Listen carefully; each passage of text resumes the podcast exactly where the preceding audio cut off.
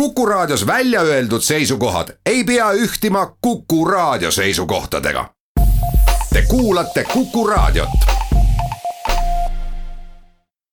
meil on ütlemata hea meel meie Tartu stuudios tervitada erakonna Isamaa esimeest Helir-Valdor Seederit, tere päevast tere päevast. ja samaväärselt kui mul on hea meel sellest, et te leidsite aja tulla Kuku raadio otsestuudiosse, ka sellest, et te olete nüüd nädalase vahega ometi kodule lähemale saanud. sest et on olnud üks väga intensiivne ja pikk nädal. Helir, alustame värskeimast uudisest. kuidas te kommenteerite Keskerakonna otsust mitte vastu võtta Reformierakonna ettepanekut koalitsioonikõnelusteks? jah, no ma sain ka sellest teada nüüd mõned minutid või paarkümmend minutit tagasi vahetult enne saate algust ja ma ei teagi siiamaani neid põhjendusi või, või selgitusi või kommentaare, mida siis äh, Jüri Ratas sinna juurde andis, nii et mina tean ainult, et esialgu öeldi äh, ei nende läbirääkimiste alustamisele.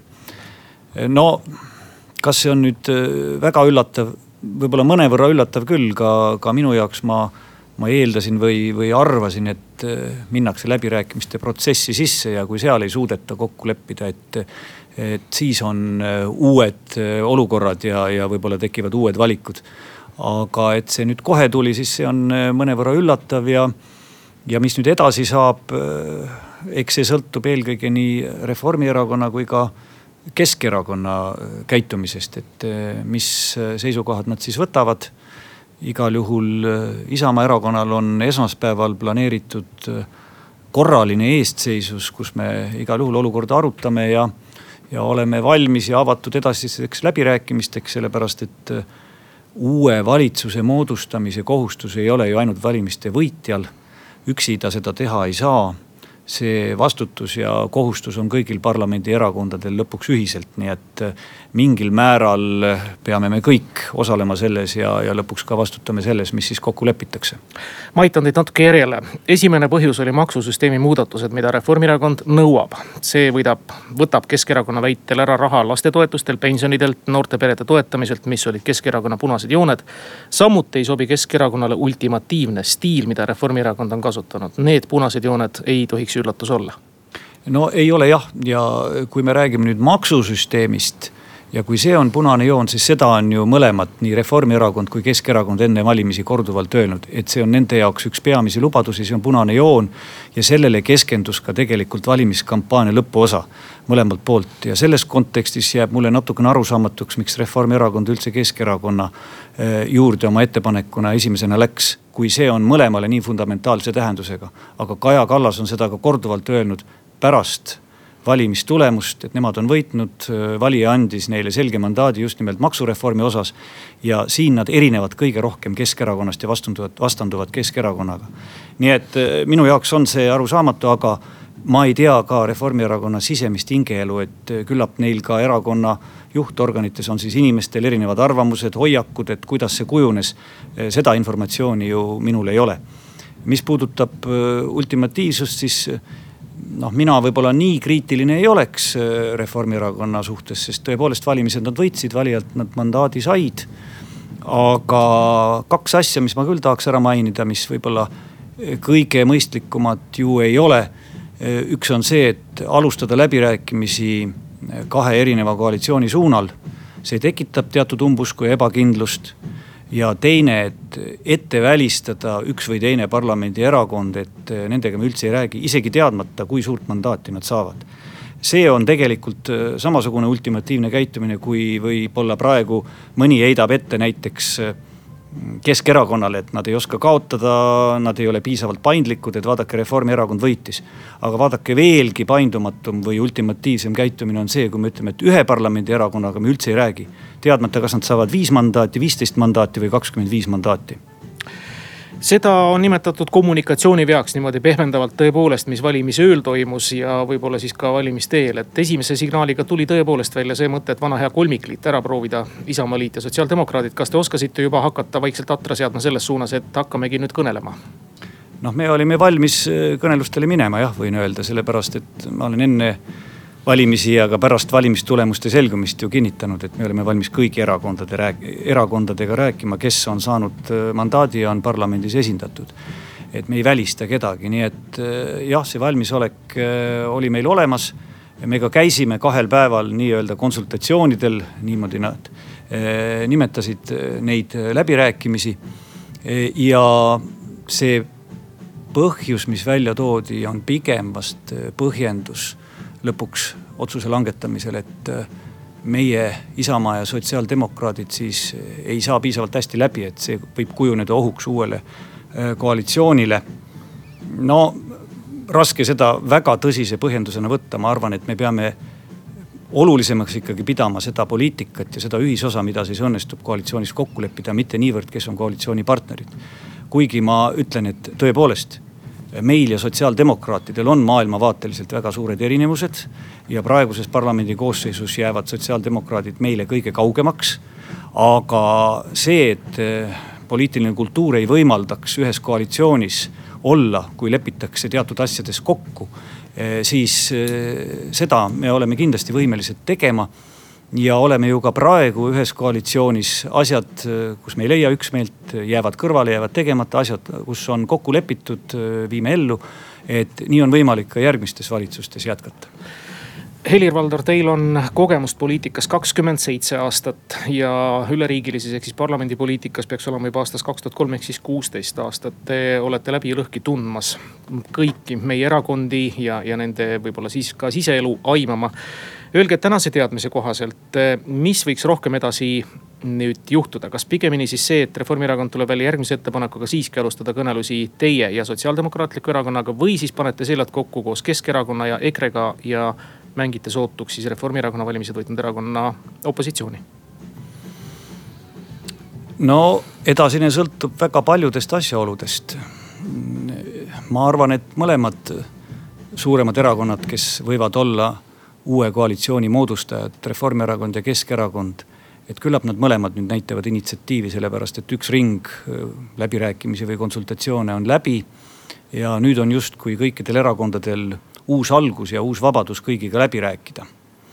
et ei toimu nii-öelda paralleelseid läbirääkimisi, nii et ma eeldan või oletan, et küllap Reformierakond äh, teeb uue ettepaneku kellelegi. teoreetiliselt on võimalik ka EKRE-ga kahekesi teha, aga tulla uuesti ka kolmikliidu juurde või jätkata äh, uuesti äh, Keskerakonnaga konsultatsioone, ka see on võimalik ja küllap nüüd ka Keskerakond ilmselt näitab siis initsiatiivi, teeb ettepaneku ja Isamaal on siis võimalus nende erinevate pakkumiste vahel valida või, või kaaluda, mida me siis peame praegu õigemaks, realistlikumaks. aga selle otsuse me saame teha esmaspäeval, kui meil eesseisus koguneb korraliselt ja, ja siis me arutame seda kujunenud olukorda ja ma eeldan, et selleks ajaks on siis juba ka mingisugune kontakt erinevate erakondade esimeestega tehtud. andke väike indikatsioon, kuhu teie enda hing ihkab pigem ei oskagi anda päris siiralt kohe, sellepärast et äh, sellist mugavusvalitsust või ühtsel maailmavaatelisel alusel tegutsevat valitsuskoalitsiooni selle parlamendi koosseisus jällegi võimalik moodustada ei ole. Äh, see tuleb erinevatest maailmavaadetest äh, kokku panna. küsimus on ainult selles, kas see rindejoon erinevate maailmavaadete vahel läheb liberaalse ja konservatiivse maailmavaate või hoiaku vahel rohkem. või ta läheb rohkem parem- ja vasakpoolse eh, maailmavaate vahel. antud juhul ma saan aru näiteks Keskerakonna ja Reformierakonna puhul oli see pigem parem-vasak skaala ehk siis nii-öelda maksu ja, ja eelarve ja majanduspoliitika see, mis, mis on selleks rindejooneks, kust üle ei saadud. nii et äh, ei oska täna teile vastata, ma arvan, et mõlemad äh, on väga olulised nii parem-vasakpoolse poliitika küsimus kui ka konservatiivse liberaalse hoiaku küsimus teadmata siis veel, kui teiega kokku leppisime kokkusaamise just nimelt tänaseks, et me peame nendel teemadel õudselt palju rääkima. oli plaan küsida ka loomulikult selle kohta, et kuidas te Isamaa erakonna valimistulemust hindate. siin on nüüd kahtepidi hindamist. ühelt poolt te kaotasite võrreldes nelja aasta taguse valimisega, te kaotasite kaks mandaati. teisipidi on teil üks mandaat rohkem, kui nüüd riigikogus selles koosseisus, mis lõpetas. ehk siis vahepeal on toimunud pereheitmine ja arvestades kõiki vahepealseid reitinguid, kus teile mitu korda matusekella löödi, on ju läinud teil tegelikult hästi. nii et kas te hindate Isamaa erakonna valimistulemust õnnestunuks? jah, ma hindan seda tõepoolest äh, õnnestunuks. sest arvestades just seda, mis äh, vahepeal toimunud on, et äh, vahetult pärast seda, kui mina natuke rohkem kui poolteist aastat tagasi erakonna esimeheks sain, oli esimene reiting kolm koma seitse protsenti, kui ma õieti mäletan. et see oli keeruline aeg ja, ja kohe lahkusid siis endine esimees Tsahkna, aseesimees Mihkelson. et see ei olnud kerge aeg ja, ja paar kuud hiljem tuli minna kohalikele valimistele et niimoodi kiirkorras startides äh, tuli alustada ja sellelt stardipositsioonilt, kus me alustasime, julgen ma küll öelda, et me oleme leidnud ikkagi äh, taas tee oma valijani ja oskame neid ka äh, kõnetada. Ja oleme valinud õige tee. Ja noh kaksteist kohta on tõesti vähem kui, kui eelmine kord riigikogu koosseisus, aga rohkem, kui me lõpetasime ja oluliselt äh, kõrgem, kui siin kogu aeg meie erinevad küsitlusreitingud on näidanud milles me olime ka kindlad, sellepärast et meie erakonna tugevus on alati olnud just nimelt ka kandidaadid, kes nimekirjades on, et mitte erakonna nimi kui kaubamärk, vaid ikkagi see konkreetne nimekiri ja kandidaadid ja nii oli ka seekord, nii et äh, oleme rahul ja, ja siit äh, tuleb kindlasti edasi minna, loorberitele puhkama ei jää. uus olukord, uus riigikogu koosseis, uued väljakutsed ega raadiokuulajale ja televaatajale ei jäänud ju märkamata teie erakordselt jõuline valimiskampaania just nimelt siin viimase kuu jooksul, vahetult enne parlamendivalimisi. ega te selle kampaaniaga endal rahaliselt nüüd hinge kinni ei tõmmanud? ei tõmmanud, ma arvan, et meie rahaasjad on jätkuvalt kõikidest erakondadest kõige paremini korraldatud. me võtsime kohe põhimõtteks, kui ma esimeheks sain, et meie ühtegi kampaaniat võlgu ei tee nii tegime me kohalike omavalitsuste valimistega, kus me lõpetasime nii, et meil ei jäänud ei kohustusi üles, ega me ei võtnud ka laenu. ja nii lõpetame ka selle riigikogu valimiste kampaania, et me ei ole võtnud laenu ja meil ei jää ka tasumata arveid ülesse. nii et kui tulevad ka need äh, aruanded äh, õige pea pärast valimisi, mis kajastavad ka valimiskampaaniat ja selle aasta esimest kvartalit, siis seal on võimalik kõigil selles veenduda Te kuulate saadet kolmkümmend neli minutit on kell üle kahe, vahepealsed uudised annavad teada, et Kaja Kallas on nimetanud Keskerakonna keeldumist kummaliseks. Nad ei tunnista valimiste tulemust ja kõnekamad veel, kui need laused ja sõnad on tegelikult Kaja Kallase pildid. mis on ka vahetult Delfisse üles riputatud, millega on võimalus siis headel kuulajatel tutvuda. aga me oleme Vox Populi erisaates, nagu reedeti ikka, meil on külaline, täna on külaliseks Helir-Valdor Seeder. erakonna Isamaa esimees ja oodatud on heade kuulajate kõned ja küsimused erakonna Isamaa esimehele. Telefon stuudios kuus, kaks, üks, neli, kuus, neli, kuus ja esimene helistaja ongi liinil tervist. no tervist, tervist ka stuudiokülalisele. ma tahan seda vaatan, et te võitlete selle pensioni samma, samba eest. ja ma tahan nüüd küsida. vaata, ma olen pensionär, ma olen helistanud siia ka, aga no näiteks ütlen Jüri Ratas kohe hakkas laveerima. miks ei saa pensionärid oma teist sammast kasutada täies mahus? aga et iga kuu paarkümmend euri antakse arve peale, no see ei ole ju õige asi ma tahan kasutada oma raha. mis te arvate sellest? jah, aitäh küsimuse eest, et see on olnud Isamaa üks äh, olulisemaid äh, valimiseelseid teemasid äh, mida me ju ka püüdsime valijatele edastada valimiskampaania ajal, et meie ettepanek on pensioni teine sammas muuta vabatahtlikuks. muuta vabatahtlikuks nendele, kes sellega veel ei ole liitunud, aga muuta vabatahtlikuks ka nendele, kes juba on liitunud, et neil tekiks võimalus seda raha kasutada palju laiemalt investeerida aktsiatesse, väärtpaberitesse või investeerida kinnisvarasse. või kui soovib, siis makstes ära ka tulumaksu, võtta see raha välja ja tasuda selle eest laen või teha muid olulisi kulutusi. et see on meie üks ettepanekutest äh, teha pensioni teine sammas tulevikus vabatahtlikuks. Helir, ma pean küsima juurde, kas see on teie punane joon, millest te ei tagane?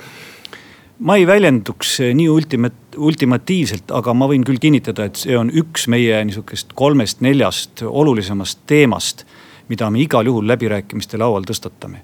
nii et eh, kindlasti jah, see on meie üks põhiteemasid. kuus, kaks, üks, neli, kuus, neli, kuus on stuudios telefon ja Helir-Valdor Seeder vastab kuulajate küsimustele, tervist. halloo. hallo, tere, mul on häda proua, väga pahasti on teid kuulda, palun võtke äkki uuesti, äkki saate vähe parema levi peale. kuus, kaks, üks, neli, kuus, neli, kuus on stuudios jätkuvalt telefon, erakonna Isamaa esimees Helir-Valdor Seeder on stuudios. ja järgmine helistaja ja küsija liinil, tervist. tere päevast, viimastel valimistel võitis teie erakonna liige äh, Tarmo Kruusimäe poolt kaheksasada üksteist häält ja oli Kristiines äh, esinumber teie parteil. ma ei tea, kas te olete lugenud Mihkel Raua raamatut Musta pori näkku, aga seal kirjeldatakse väga värvikalt seda, kuidas Tarmo Kruusimäe ühte suhtleb ühe alaealise ilmselt arengupeetusega neiuga koolapudeli vahendusel. et minu küsimus teile on, et, et kuidas selline esi-, inimene saab esindada konservatiivseid ja isamaalisi väärtusi, on siis mingi isamaaline kasvatustöö või teie partei nägemus nagu lähisuhetest või kuidas on võimalik, kuidas te suhtute sellesse, et kuidas, noh, mulle on see täiesti arusaamatu. Aitäh küsimuse eest, ma ei ole lugenud Mihkel Raua seda raamatut ja ei ole ka teadlik äh, niisugustest episoodidest, mida nüüd siin raadioküsija välja tõi küll ma tean Tarmo Kruusimäed kui niisugust tõsist veendunud rahvuslast läbi aastate või tänaseks juba võib öelda läbi aastakümnete, kes on olnud üks püsivamaid ja järjekindlamaid äh, äh, poliitika ajajaid, mis puudutab siin nii julgeolekupoliitikat Venemaa suunas või, või toetamist Ukraina küsimuses, et, et teda võib ilmselt igal nädalal jätkuvalt pikettidel näha. aga, aga otseselt selle kohta ei oska ma midagi öelda, ma ei ole nendest asjadest küll teadlik kuus, kaks, üks, neli, kuus, neli, kuus on taas helisenud, tervist. tere. küsige, olge hea, keerake raadio enda taga väiksemaks pisut. mul on selline küsimus selle härra Seedrile, kes just rääkis selle härrale, kes küsis äh, pensionisamba kohta. et kui see inimene maksis, ma olen ise ka pensionär aga õnneks mul seda sammast ei ole, mul võetakse teiste, teiselt poolelt seda maksu maha pensionilt. kui inimene pani oma raha, andis riigi kätte laenule ja nüüd ta saab tagasi, mikspärast peab inimene veel selle pealt tulumaksu maksma, las tema vastab selle asjale konkreetselt, kui ta tahab olla riigimees. härra Seeder on kindlasti riigimees. jah, eh, ma vastan. Kõigepealt üks täpsustus, et seda raha ei anta riigile, vaid see antakse tegelikult finantsvahendusorganisatsioonidele, see läheb siis eh, nende kätte, erinevate pankade kätte, investeeritakse erinevatesse fondidesse, pensionifondidesse ja mujale, aktsiatesse, väärtpaberitesse aga küll on kehtestanud riik seadusega kohustuse, et see raha kogutakse kokku kaks pluss neli protsenti. Äh, nüüd, miks sealt peab tulumaksu ära võt, maksma, aga sellepärast, et need inimesed, kes teise sambaga ei ole ühinenud ja saavad töötasu, siis nemad maksavad selle tulumaksu ära ja maksavad tööandjad ka sotsiaalmaksu ära. aga teise pensionisambasse kaks pluss neli, see raha koguneb ilma, et nendelt inimestelt seda tulumaksu ei võeta nii et see raha jääb sinna pensionisamba arvestuse sisse. ja nüüd, kui tõepoolest inimene tahab seda lihtsalt välja võtta omal ja kasutada seda muul otstarbel, siis et kohelda inimesi võrdselt, neile, kes said selle raha juba töötasuna kätte siis maksustada samal moel nagu nende inimestega, kes, kes said töötasu. nii et midagi ei maksustata täiendavalt, vaid kui see inimene otsustab teisest pensionisambast raha välja võtta, siis ta maksustatakse sama palju kui see, see, seda inimest, kes oleks selle raha saanud töötasuna mida, mitte midagi täiendavalt ei maksustata. kuus, kaks, üks, neli, kuus, neli, kuus ja uus küsija on liinil, tervist. tere päevast. minul on selline küsimus, et kas härra Seeder on kindel, et see teise samba tagasimaksmine on kõige õigem variant. kas ei oleks õigem, kui riik võtaks see neli miljardit eurot, mis nüüd asub pankades, nagu on kuulda enda kätte ja riik ise investeeriks selle raha kuskile sellistesse fondidesse, mis toodaks kasumit. sest ta võib ju öelda küll, et inimene võib oma rahaga teha, mis tahab, aga paraku on ikkagi selliseid inimesi, kes ei ole võib-olla nii otsustusvõimelised ja nad löövad selle raha laiaks. ja kui nad pensioni peale ükskord jõuavad, siis neil lihtsalt on väga vilets elujärg. aitäh, ma pean lühidalt nüüd täpsustama, et meie ettepanek ei ole, et riik võtaks midagi tagasi ja, ja tagasi võtta ju ei saa, sellepärast et see on inimeste konkreetne raha, mis on eh, siis paigutatud erinevatesse fondidesse. et see otsus saab olla nüüd iga eh, inimese enda otsus, juhul kui Isamaa ettepanek teha pensioni teine sammas vabatahtlikuks läbi läheb ja see seadustatakse, siis see otsus jääb igal inimesel individuaalselt teha inimene võib jätkata samamoodi meie ettepaneku kohaselt, kes usaldab ja usub sellesse teise pensionisambasse, see, saab jätkata samamoodi. aga juhul, kui ta tõepoolest ei soovi, siis ta võib seda raha mujale investeerida või võtta välja ja tasuda näiteks ära kallid tarbimislaenud, mis, mis on äh, Eestis palju kallimad kui siin näiteks Rootsis või paljudes teistes riikides ja niimoodi säästa oma tulevikukulutusi või vähendada tulevikukulutusi ja tagada tulevik. nii et see on meie mõte. See, mis puudutab nüüd riigi osa ja rolli, siis seda võib ju ka mõelda et Rootsis näiteks on see niinimetatud kohustuslik pensionikindlustus tõepoolest riiklik ja riik vastutab selle eest. siis me peame looma ka vastavalt uue süsteemi, uued alused, see on teoreetiliselt võimalik, selle üle võib arutada. Kuus, kaks, üks, neli, kuus, neli, kuus. Ja seda numbrit ei pea palju rõhutama. tundub, et helistajaid ja küsijaid on täna palju, tervist tere, teate, minul on palju õnne kõigepealt, väga ilusa tulemuse tegi Isamaa.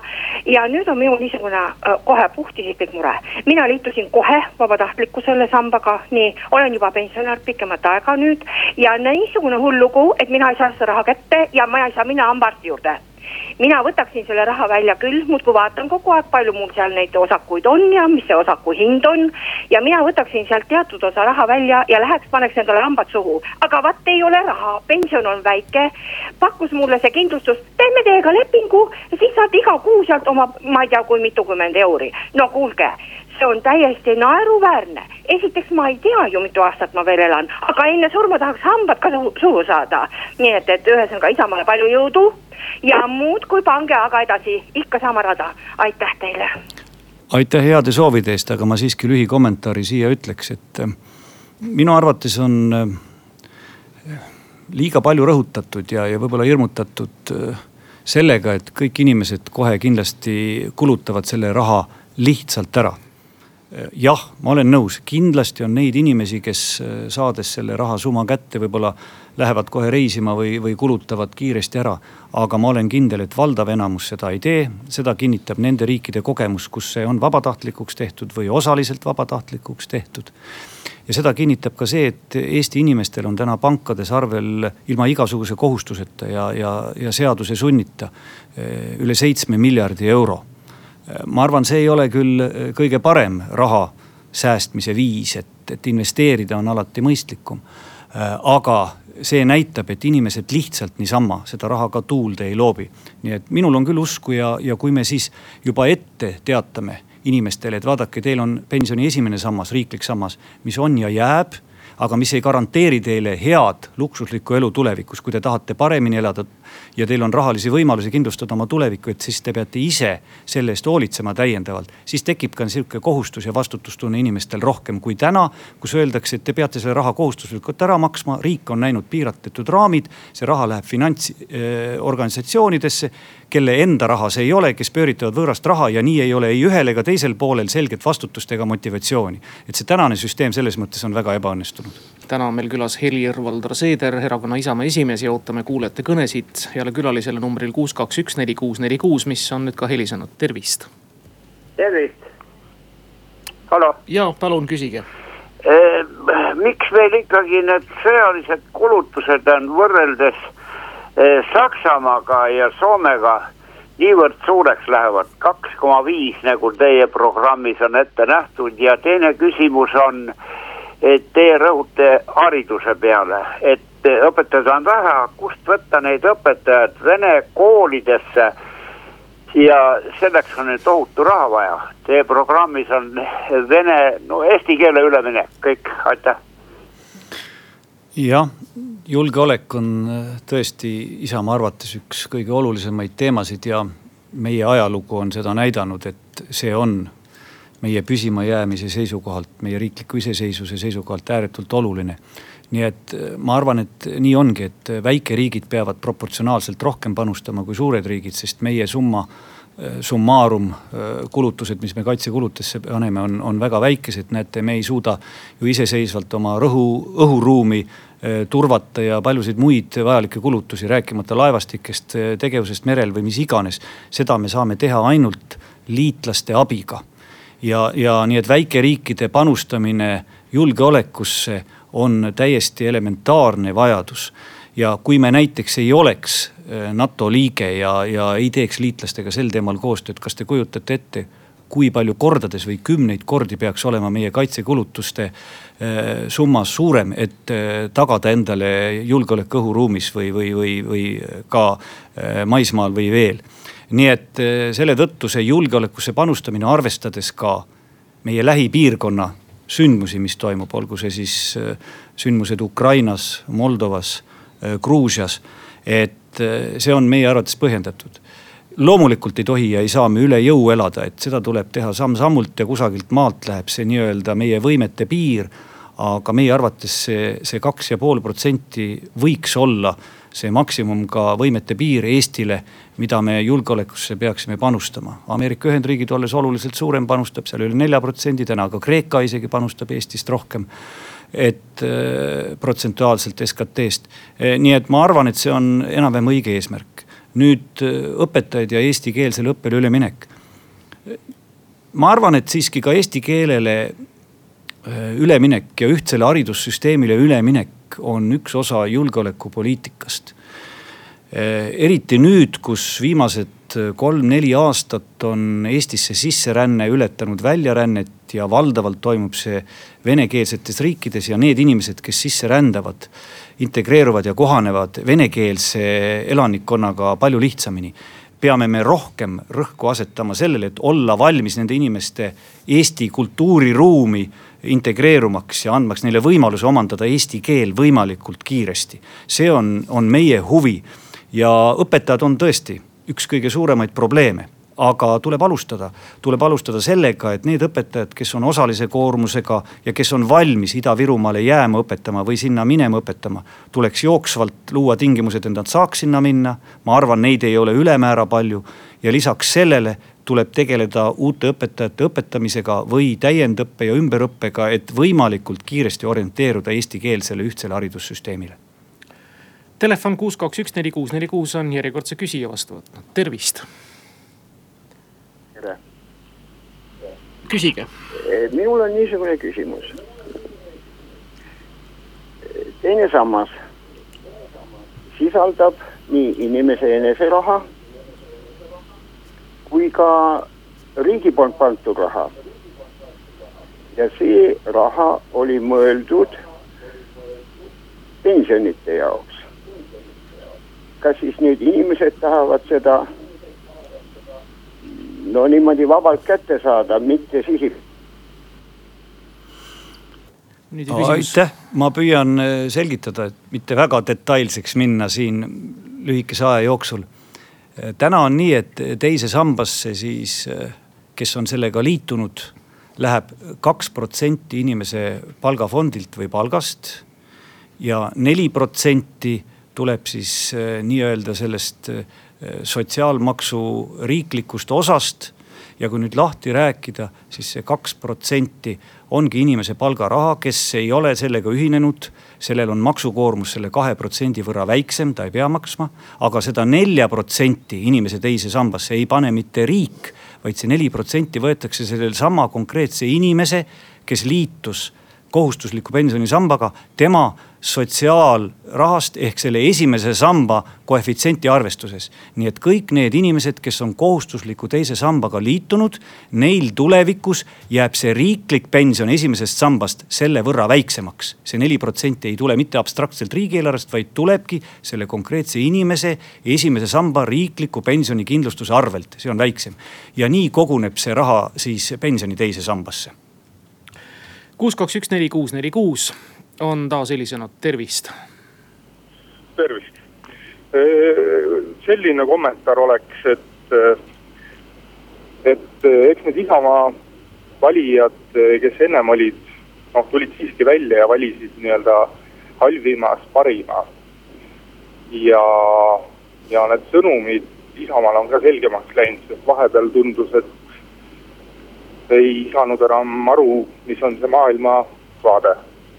et äh, kindlasti tasuks nüüd seda selgemalt hoida ja, ja eks nende piiridega on nagu on, eks siin tuleb kompromisse teha. aga mis puutub siis sinna pensionisambasse, siis võiks ka öelda, et noh, see oli üks selliseid halvimaid otsuseid, mis omal ajal sai teha. aga kindlasti üks variant oleks ka see, kui noh, lihtsalt kehtestada see, et see inimene kes selle raha paneb, et see pandud raha peab säilima vähemalt selles osas, ükskõik mis kuskil maailmaturul juhtuks ja need haldustasud, noh, need saaksid tulla ainult selle pealt, mis siis need fondihaldurid suudavad teenida aitäh. see oli pigem nüüd kommentaar kui küsimus, aga kui soovite, Helir, vastata. no üks lause, et eks sellega on püütud siin natuke ju tegeleda ka noh, lahkuva riigikogu koosseisus, mis puudutab, et kuidas suurendada tootlust ja vähendada haldustasusid, aga mina arvan ikkagi, et see on suhteliselt peenhäälestus, et küsimus on põhimõtteline, et anda inimestele õigus ja vastutus rohkem oma raha kasutamise eest ja uskuge, inimesed eh, summa summarum'ina ja pikas perspektiivis kasutavad seda raha efektiivsemalt kui praegune viisteist aastat eh, kehtinud eh, pensioni kohustuslik süsteem seda näidanud on nii et ma usun ikkagi inimeste enda vastutusse ja, ja tarkusesse ja kui me anname vabamad käed, siis ei peagi inimesed mitte investeerima väärtpaberitesse. selles ei ole me kuigi teadlikud laias mastaabis, et see teadmine on ikkagi finantsasutustes ja ekspertidel. aga kui inimestel jätta vabadus kinnisvarasse investeerida või, või maadesse ja, ja metsamaasse ja majandamisesse, siis see ring läheb palju laiemaks. ja, ja inimesed vastavalt oma teadmistele oskavad raha paremini kasutada üks kõne, selle me jõuame veel vastu võtta tänases Vox Populi saates ja siit see kõne tuleb, tervist. tervist. selline asi on, et kui nüüd Isamaa saab valitsuses kas äh, saaks sellise asja ikka ette võtta, et äh, lõpetatakse pensionäridel tööl käimise äh, ajal see tulumaksu mahavõtmine. mul on näiteks nelisada viiskümmend, nüüd öeldakse pensionist ka kuuskümmend maha saan kolmsada üheksakümmend pluss siis töö juures võetakse maha. et selle asja peaks ka tegema selgeks, ei ole nüüd mingit huvi tööl käia aitäh küsimuse eest, see on nüüd just see teema, mis koha pealt, nagu ma aru saan, läks lõhki praegu Reformierakonna ja Keskerakonna võimalik läbirääkimiste algus. mis siis nendel kahel erakonnal on täiesti teineteist välistav. Isamaa on äh, selles suhtes olnud ju mõlema erakonnaga ka konsultatsioonide käigus äh, paindlikult valmis rääkima, me ka ütlesime Reformierakonnale, et meie taha ühetaoline viiesaja eurose tulumaksu sisseviimine ei jää kui leitakse katteallikad riigieelarvest, mille suurusjärk on umbes kakssada viiskümmend miljonit eurot aastas. et pigem on see see küsimus, nii et see on üks teema läbirääkimistel, kus Isamaa kindlasti saab olla paindlik suur-suur tänu teile, Helir-Valdor Seeder, täna Tartu stuudiosse tulemast Kuku raadio kuulajate ja ka saatejuhi küsimustele vastamast. kui ees võib-olla seisis selline eeldatav rahulikum nädalavahetus, siis ei pruugi see nii minna. kolme minuti pärast peaks kogunema Reformierakonna juhatus edasisi käike arutama ja ilmselt peate siis telefoni ikkagi sees hoidma. veel kord aitäh teile tulemast ja edu, jõudu ning jõudu tööle ka järgnevaks neljaks aastaks. aitäh kutsumast